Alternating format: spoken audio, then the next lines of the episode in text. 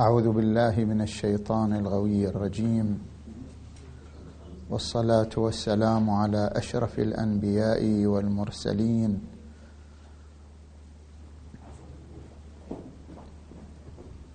والصلاة والسلام على أشرف الأنبياء والمرسلين. محمد وآله الطيبين الطاهرين.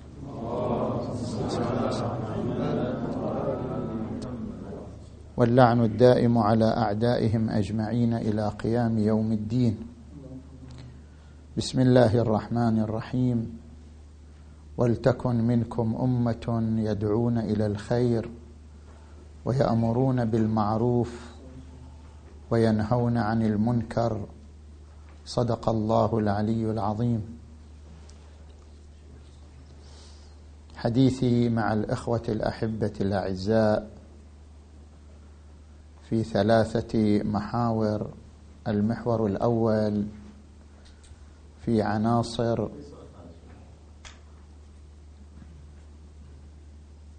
في عناصر الدور المنبري.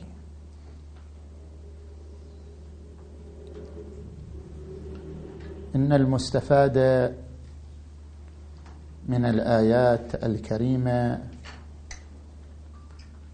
أن الدور المنبري التبليغي يعتمد على مجموعة من العناصر. العنصر التعليمي والعنصر الإرشادي والعنصر التفاعلي. فالعنصر الأول هو الذي أشارت إليه الآية المباركة في قوله تعالى ولتكن منكم أمة يدعون إلى الخير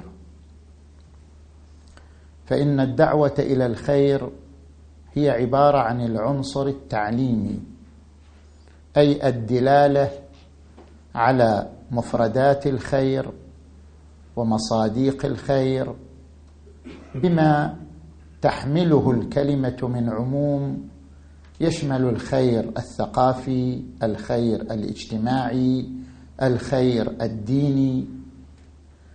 وسواء حملنا كلمة من على من التبعيضية أو حملنا كلمة من على من التجريدية بمعنى ولتكونوا أمة يدعون إلى الخير فإن المستفاد من الآية هو أن المسؤولية مسؤولية كفائية أي لا يحتمل أن يكون كل فرد من المجتمع الإسلامي مسؤولا عن التعليم والإرشاد ولكن المسؤولية كفائية.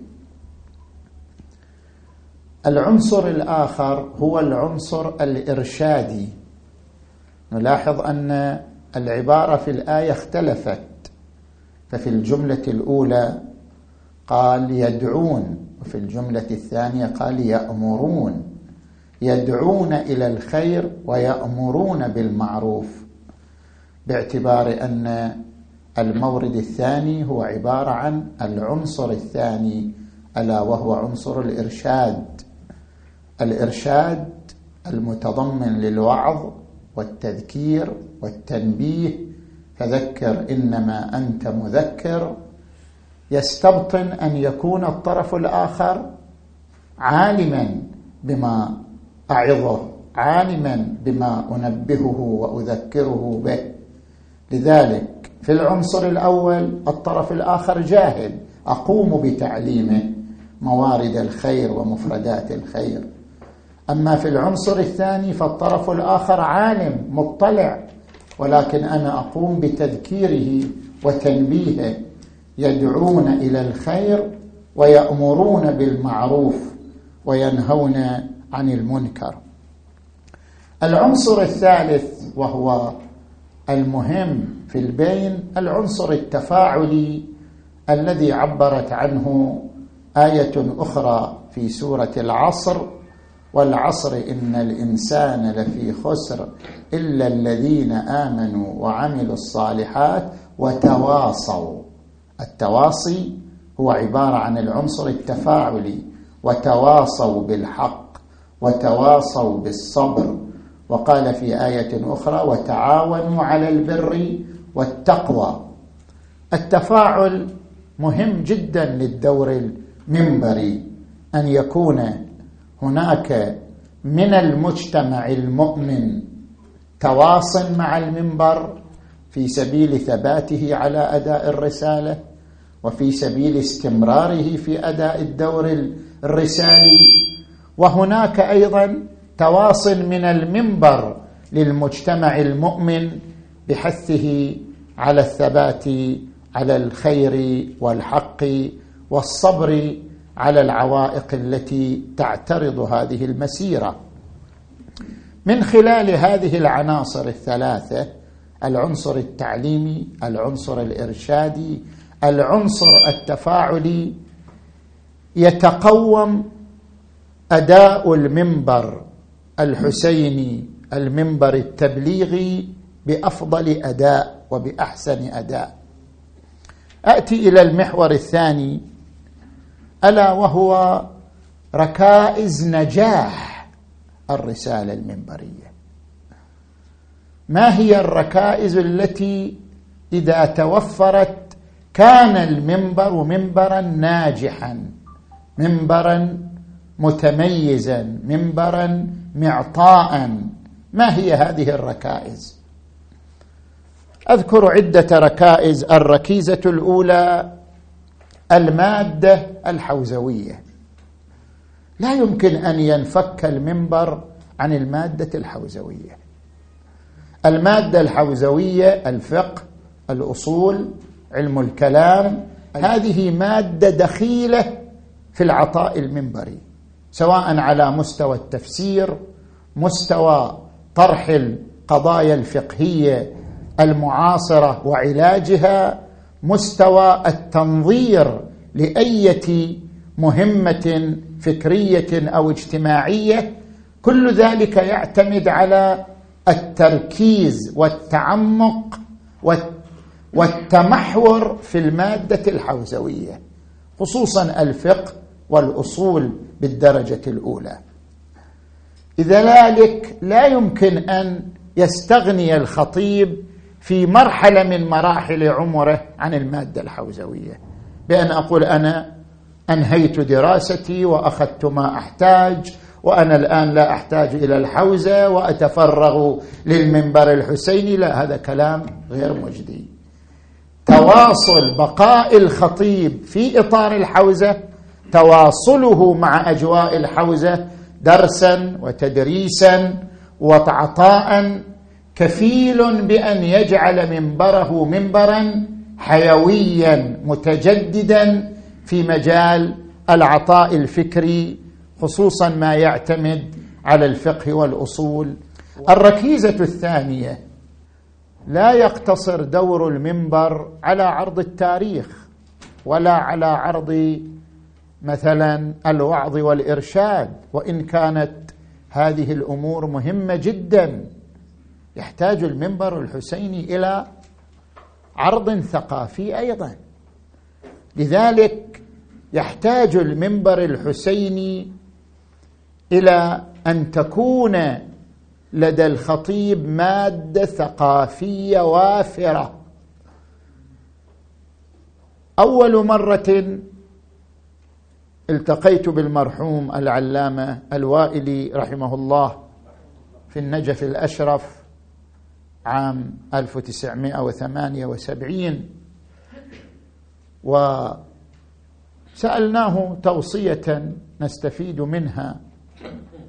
وكان يقول اجعل لكل علم دفترا. المقصود بهذه الكلمة أن الخطيب كلما وصلت إليه معلومة ثقافية قيدها. كلما وصلت إليه معلومة ثقافية في مقال في مجلة أثناء مشاهدته آه، للقنوات أثناء تواصله مع وسائل التواصل متى ما وصلته معلومة ثقافية في أي علم من العلوم أخذها واحتفظ بها لأنها توفر له خزينا معرفيا وتوفر له رصيدا معرفيا متنوعا متى ما احتاج إلى هذه المعلومة؟ عندما يضع فهرست لمعلوماته والمقالات التي استفاد منها متى ما احتاج لهذه المعلومة؟ وضعها في الموضع المناسب. اذا بالنتيجة المادة الثقافية خصوصا في مجال التاريخ خصوصا في مجال علم النفس بمدارسه المختلفة علم الاجتماع علم الإدارة هذه العلوم الحيوية الإنسانية التي يحتك بها الإنسان في كثير من المجالات قضايا الاجتماعية وتحليلها ووضع طرق العلاج لها المشاكل النفسية التي يستمع الخطيب أو تمر على الخطيب أثناء تواصله مع الناس كل ذلك يحتاج إلى مثل هذه العلوم الإنسانية. بحيث لا بد أن يكون للخطيب على الأقل إلمام عام وإجمالي ببعض هذه المعلومات اللازمة للثقافة المنبرية. الركيزة الثالثة ألا وهي المادة البيانية. أن تكون لغة الخطيب لغة سلسة سهلة جذابة عندما يستمع إليها أي شخص ينجذب إلى المواصلة ينجذب إلى الاستمرار لاستماع أداء الخطيب باعتبار أن لغته لغة واضحة لغة جذابة تشتمل على مفردات تجذب المستمع وتنبه المستمع إلى المواصلة والتركيز خصوصا إذا كانت هذه المادة البيانية مقرونة بحسن استخدام الإشارة في مواضعها حسن استخدام ارتفاع الصوت أو هبوط الصوت في مواضعه المناسبة حينئذ يكون أكثر جاذبية وتاثيرا على المستمع. الركيزة الثالثة أن يكون لدى الخطيب الركيزة الرابعة عفوا أن يكون لدى الخطيب معاصرة. ومعنى المعاصرة أن لا يكون الخطيب في قرن سابق بل ولا في عقد سابق يعني عشر سنوات قبل. أن يكون لدى الخطيب معاصرة للأجواء الاجتماعية التي يعيش فيها. والمقصود بالمعاصرة أن تكون الأمثلة التي يستخدمها الخطيب من الواقع الاجتماعي المعاصر. لا أمثلة استمعها ولا أمثلة عاشتها الناس قبل عشر سنوات أو قبل عشرين سنة. أن تكون المصطلحات التي يستخدمها الخطيب سواء كانت مصطلحات علمية مصطلحات اجتماعية مصطلحات معاصرة متى ما ألقاها فهم الناس ما هو المقصود من هذه المصطلحات. فالمعاصرة هي أن يشعر المستمع أن الخطيب معه في أجوائه في ثقافته في همومه في أفكاره حتى يتحقق له تواصل حيوي ومهم مع المنبر الحسيني. الركيزة الخامسة المواكبة. والمقصود بالمواكبة هي مواكبة الشبهات والأفكار وهذا مهم جدا. أن تكون لدى الخطيب مواكبة لما يستجد من أفكار من شبهات من أطروحات. بمعنى أن لا يغفل الخطيب عن هذه النقطة. نقطة متابعة ما يطرح في وسائل التواصل من خلال المواقع الثقافية من شبهات خصوصا تعرفون في زماننا هذا في هذا الزمان المعاصر. هناك شبهات حول الدين حول الخالق حول القرآن حول النبوة حول العصمة حول الإمامة حول القضية المهدوية حول المرجعية حول آه، الفائدة والجدوى من الفقه الجدوى من العلوم الحوزوية. هناك شبهات إشكالات اعتراضات كثيرة. لابد أن يكون الخطيب المنبري على تواصل ومواكبة مع ما يستجد منها. بحيث لو أن الخطيب ركز في كل موسم على مجموعة من معالجة مجموعة من الشبهات المتعلقة بجانب من هذه الجوانب التي أشرنا إليها لاحتاج إلى خمس سنين. فكيف بما إذا لم يكن مواكبا ولم يكن متابعا لما يستجد من الشبهات والأطروحات والأفكار المتنوعة المختلفة؟ الركيزة السادسة ألا وهي ركيزة التواصل الاجتماعي. لابد للخطيب من تواصل. تواصل مع الناس تواصل يومي. أن يكون لديه تواصل يومي مع المجتمع. يستمع ويعطي. يتلقى الأسئلة يتلقى الأفكار وأيضا يعطي ما عنده من عصارة أفكار ومفاهيم. التواصل أداة مهمة من أدوات تطوير الخطيب. عندما يتواصل الخطيب مع الناس يعرف موقف الناس من منبره يعرف تقويم الناس لمنبره يعرف تقويم الناس لأدائه. من خلاله يستطيع أن يسير في مرحلة التطوير والتغيير. التواصل مع الناس يعرف الخطيب على الهموم على الأفكار المعاصرة المعاشة. التواصل مع الناس يعرف الخطيب على مستوى التفكير ومستوى الفهم لدى من حوله من الناشئة أو الكبار أو المتوسطين في العمر. اذا التواصل مع الناس ركيزة ضرورية لنجاح دور المنبر الحسيني. إذا توفر الخطيب على هذه الركائز الماده الحوزوية المادة الثقافية المادة البيانية المعاصرة المواكبة التواصل مع الناس كان قد مشى في مسيرة تطوير منبره وتطوير لسانه وتطوير معلوماته. وإن الله لا يغير ما بقوم حتى يغيروا ما بأنفسهم. روح التغيير هي مسؤولية الخطيب نفسه. هو لابد أن يشعر بأنه مسؤول عن تغيير نفسه وتطوير أدائه وتطوير منبره بين مرحلة وأخرى.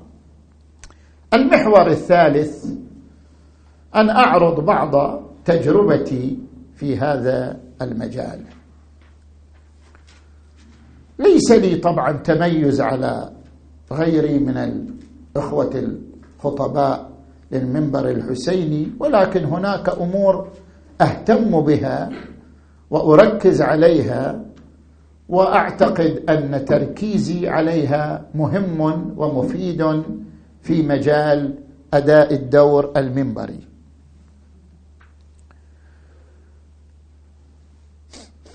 المجالات التي أركز عليها المجال الأول هو التمحور حول المادة الحوزوية. أنا منذ 45 سنة في الحوزة. ما تركتها يوما واحدا حتى في العطل حتى في الأسفار حتى في شهر محرم الحرام حتى في أيام عشرة محرم الحرام لا أترك التواصل مع الحوزة. بعض المعلومات الحوزوية اقوم بمراجعتها بتحليلها بالتدقيق فيها حتى في أيام العشره عشرة محرم الحرام. التواصل مع المادة الحوزوية أعتقد أنه عنصر مهم ومجال مهم. التعمق التضلع في الفقه في الأصول في علم الكلام درسا تدريسا مباحثة مذاكرة. هذا ما حرصت عليه خلال هذا العمر الحوزوي. حرصت على الحضور عند الأساتذة الأوائل للحوزة العلمية سيدنا الخوئي قدس سره السيد الأستاذ السيد السيستاني دام ظله الشيخ الأستاذ الشيخ الوحيد الخراساني دام ظله الشيخ الأستاذ الشيخ جواد التبريزي قدس سره. حرصت على الاستفادة منهم تلخيص ما حضرت عندهم بعض المناقشات والأفكار التي استفدتها من خلال الحوار معهم. المهم الأسبوع سبعة أيام. أنا ستة أيام مع الحوزة فقط يوم مع المنبر. يوم من الأيام السبعة هو الذي أتفرغ فيه اسبوعيا لمراجعة المقالات التي تصلني لمراجعة الأفكار التي تبعث إلي. نعم يوميا عندي ساعة للإجابة على الأسئلة التي ترد علي إذا كانت أسئلة فكرية أستفيد منها أجمعها كل يوم بمقدار ساعة اعلق عليها وأستفيد من بعض الأنظار والأطروحات التي ترد علي من خلال هذه الأسئلة. وأيضا أنا كما ذكرت طول السنة أنا مع المادة الحوزوية لا أنقطع عنها اطلاقا حتى وإن اشتغلت مقارنا معها بالإعداد للمنبر الحسيني. هذا المجال الأول. المجال الثاني الإعداد المبكر. أنا لا أنتظر أن تأتي عشرة محرم بعدين أهيئ الموضوعات لا. ولا قبل بشهر ولا قبل بشهرين.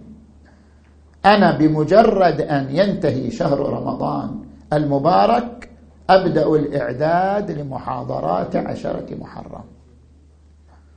وذلك الإعداد الذي قد يستمر ثلاثة أشهر بتواصل أو بعض التقطعات أعتمد فيه على مجموعات مثقفة. بمعنى عندي مجموعات شبابية مثقفة طبعا ثقافة دينية وثقافة عامة أعتمد على هذه المجموعات في التواصل معهم.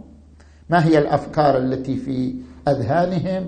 ما هي المقترحات؟ ما هي المجالات الحيوية التي إذا دخلت فيها يكون الطرح مفيدا ومؤثرا؟ عدة مجموعات. بعدين أجمع الأفكار أقوم بالمقارنة بينها. أكمل بعضها ببعض أتصرف في بعضها أرجح بعضا على آخر بحسب خبرتي وتجربتي. المهم أن هناك اعدادا مبكر للقيام بمحاضرات عاشوراء التي هي المحاضرات المحورية في تمام أيام السنة. المجال الثالث. هو تلقي التقويم. كما ورد في الحديث الشريف لا يكبر أحد فوق أن يوصى بتقوى الله ولا يصغر أحد دون أن يوصي بتقوى الله. لابد الخطيب أن يتلقى تقويم الناس له نقدهم له حتى لو كان نقدا لاذعا. مو مهم. النقد يسهم في تطوير رسالة الخطيب. النقد يسهم في تطوير أداء المنبر الحسيني. لذلك لا بد من تلقي التقويم الناقد. لهذا في كل عام أنا أيام محرم الحرام تكتب مقالات ناقدة لمحاضراتي من أشخاص قد لا أعرفهم ولا صلة لي بهم وربما من مجتمعات أخرى ولكنهم يتابعون فيكتبون مقالات ناقدة سواء بأسلوب مهذب بأسلوب آخر مو مهم. هذه المقالات الناقدة تصلني بعد عشرة محرم وأيضا تصلني أسئلة كثيرة حول المحاضرات وإما استفهامات أو ناقد أو تنبيه أو إشارة إلى خطأ. من الأخطاء صدر مني أثناء الإلقاء مثلا أقوم بجمعها. ما يمكن أن أرد عليه وأجيب عنه. عندي جلسة في سنويا. تأخذ ساعتين ثلاث ساعات للإجابة على الأسئلة المتعلقة بمحاضراتي في أيام محرم. وما يم وما لا يمكن أن أجيب عنه إما لأنه مثلا ما عندي جواب يعني هو نقد وارد. أو لأنه مثلا بعيد عما طرحته ولا علاقة لي به. أنا أعلق عليه أيضا برسائل خاصة أرسلها لمن كتب النقد أو من كتب الملاحظة كل حسبه. المهم تلقي التقويم لا بد منه في تطوير الإنسان لنفسه في التفات الإنسان لعيوبه وأخطائه. ما يمكن إنسان ما يخطئ. مستحيل خطيب يمر عليه عشرة أيام ويلقي عشر محاضرات وتكون هذه المحاضرات متنوعة وفيها معلومات مختلفة ولا يخطئ. في معلومة في بيان في تدقيق آه، مصدر معين في توثيق معلومة معينة الخطأ وارد. لذلك معالجة الخطأ والالتفات إليه أمر ضروري في مرحلة ومسيرة التطوير. المجال الرابع من هذه المجالات التي أهتم بها الانفتاح على الثقافة. أنا أدخل كورسات بين فترة وأخرى. أقول بأنني أنا والله مستغني وما أحتاج. لا أدخل كورسات. شنو المشكلة؟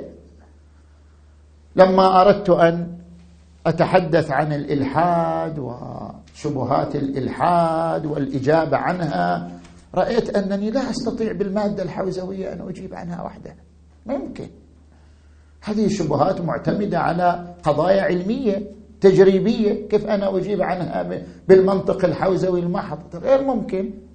فاحتجت أنا إلى أن أخذ كورس في الفيزياء مضافا إلى مطالعاتي في هذا المجال ودراستي فيه. مع ذلك أخذت كورس في ذلك. حتى أستطيع أن أقف على النقاط. حتى أستطيع كما يقال أن أضع يدي على الجرح في مجال الإجابة في مجال النقد في مجال التقويم.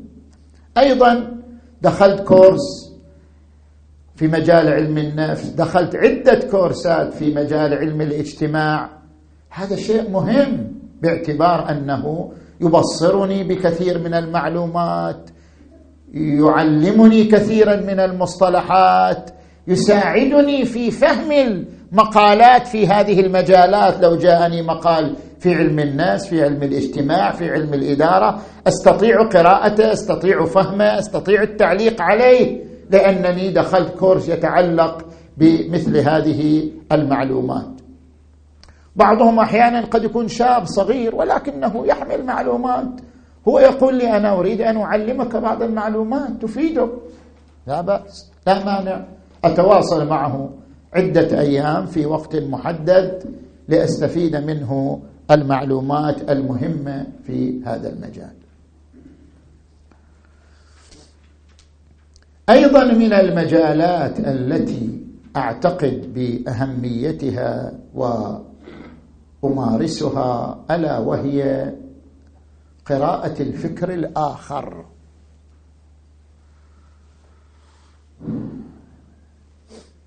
كما أريد من الآخر أن يفهمني ويقرأ فكري أنا أيضا لابد أن أقرأ فكر الآخر. سواء كان ملحدا علمانيا دينا آخر مذهبا آخر اقرأ فكره. لأنظر ماذا يقول ماذا يطرح. طبعا عندي جولة في الغرب أحرص عليها سنويا. سنويا أذهب إلى الغرب.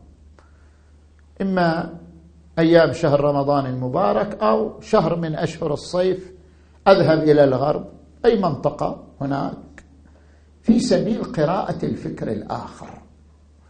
عندما يلتقي الإنسان بالآخرين ويدخل في الحوار معهم ويسمع إليهم ويسمعهم ما عنده من خلال هذا الحوار الهادئ الدافئ يفهم الآخر ولذلك يكون تعليقي على فكر الآخر تعليقا متطابقا مع قراءتي لفكره وفهمي له.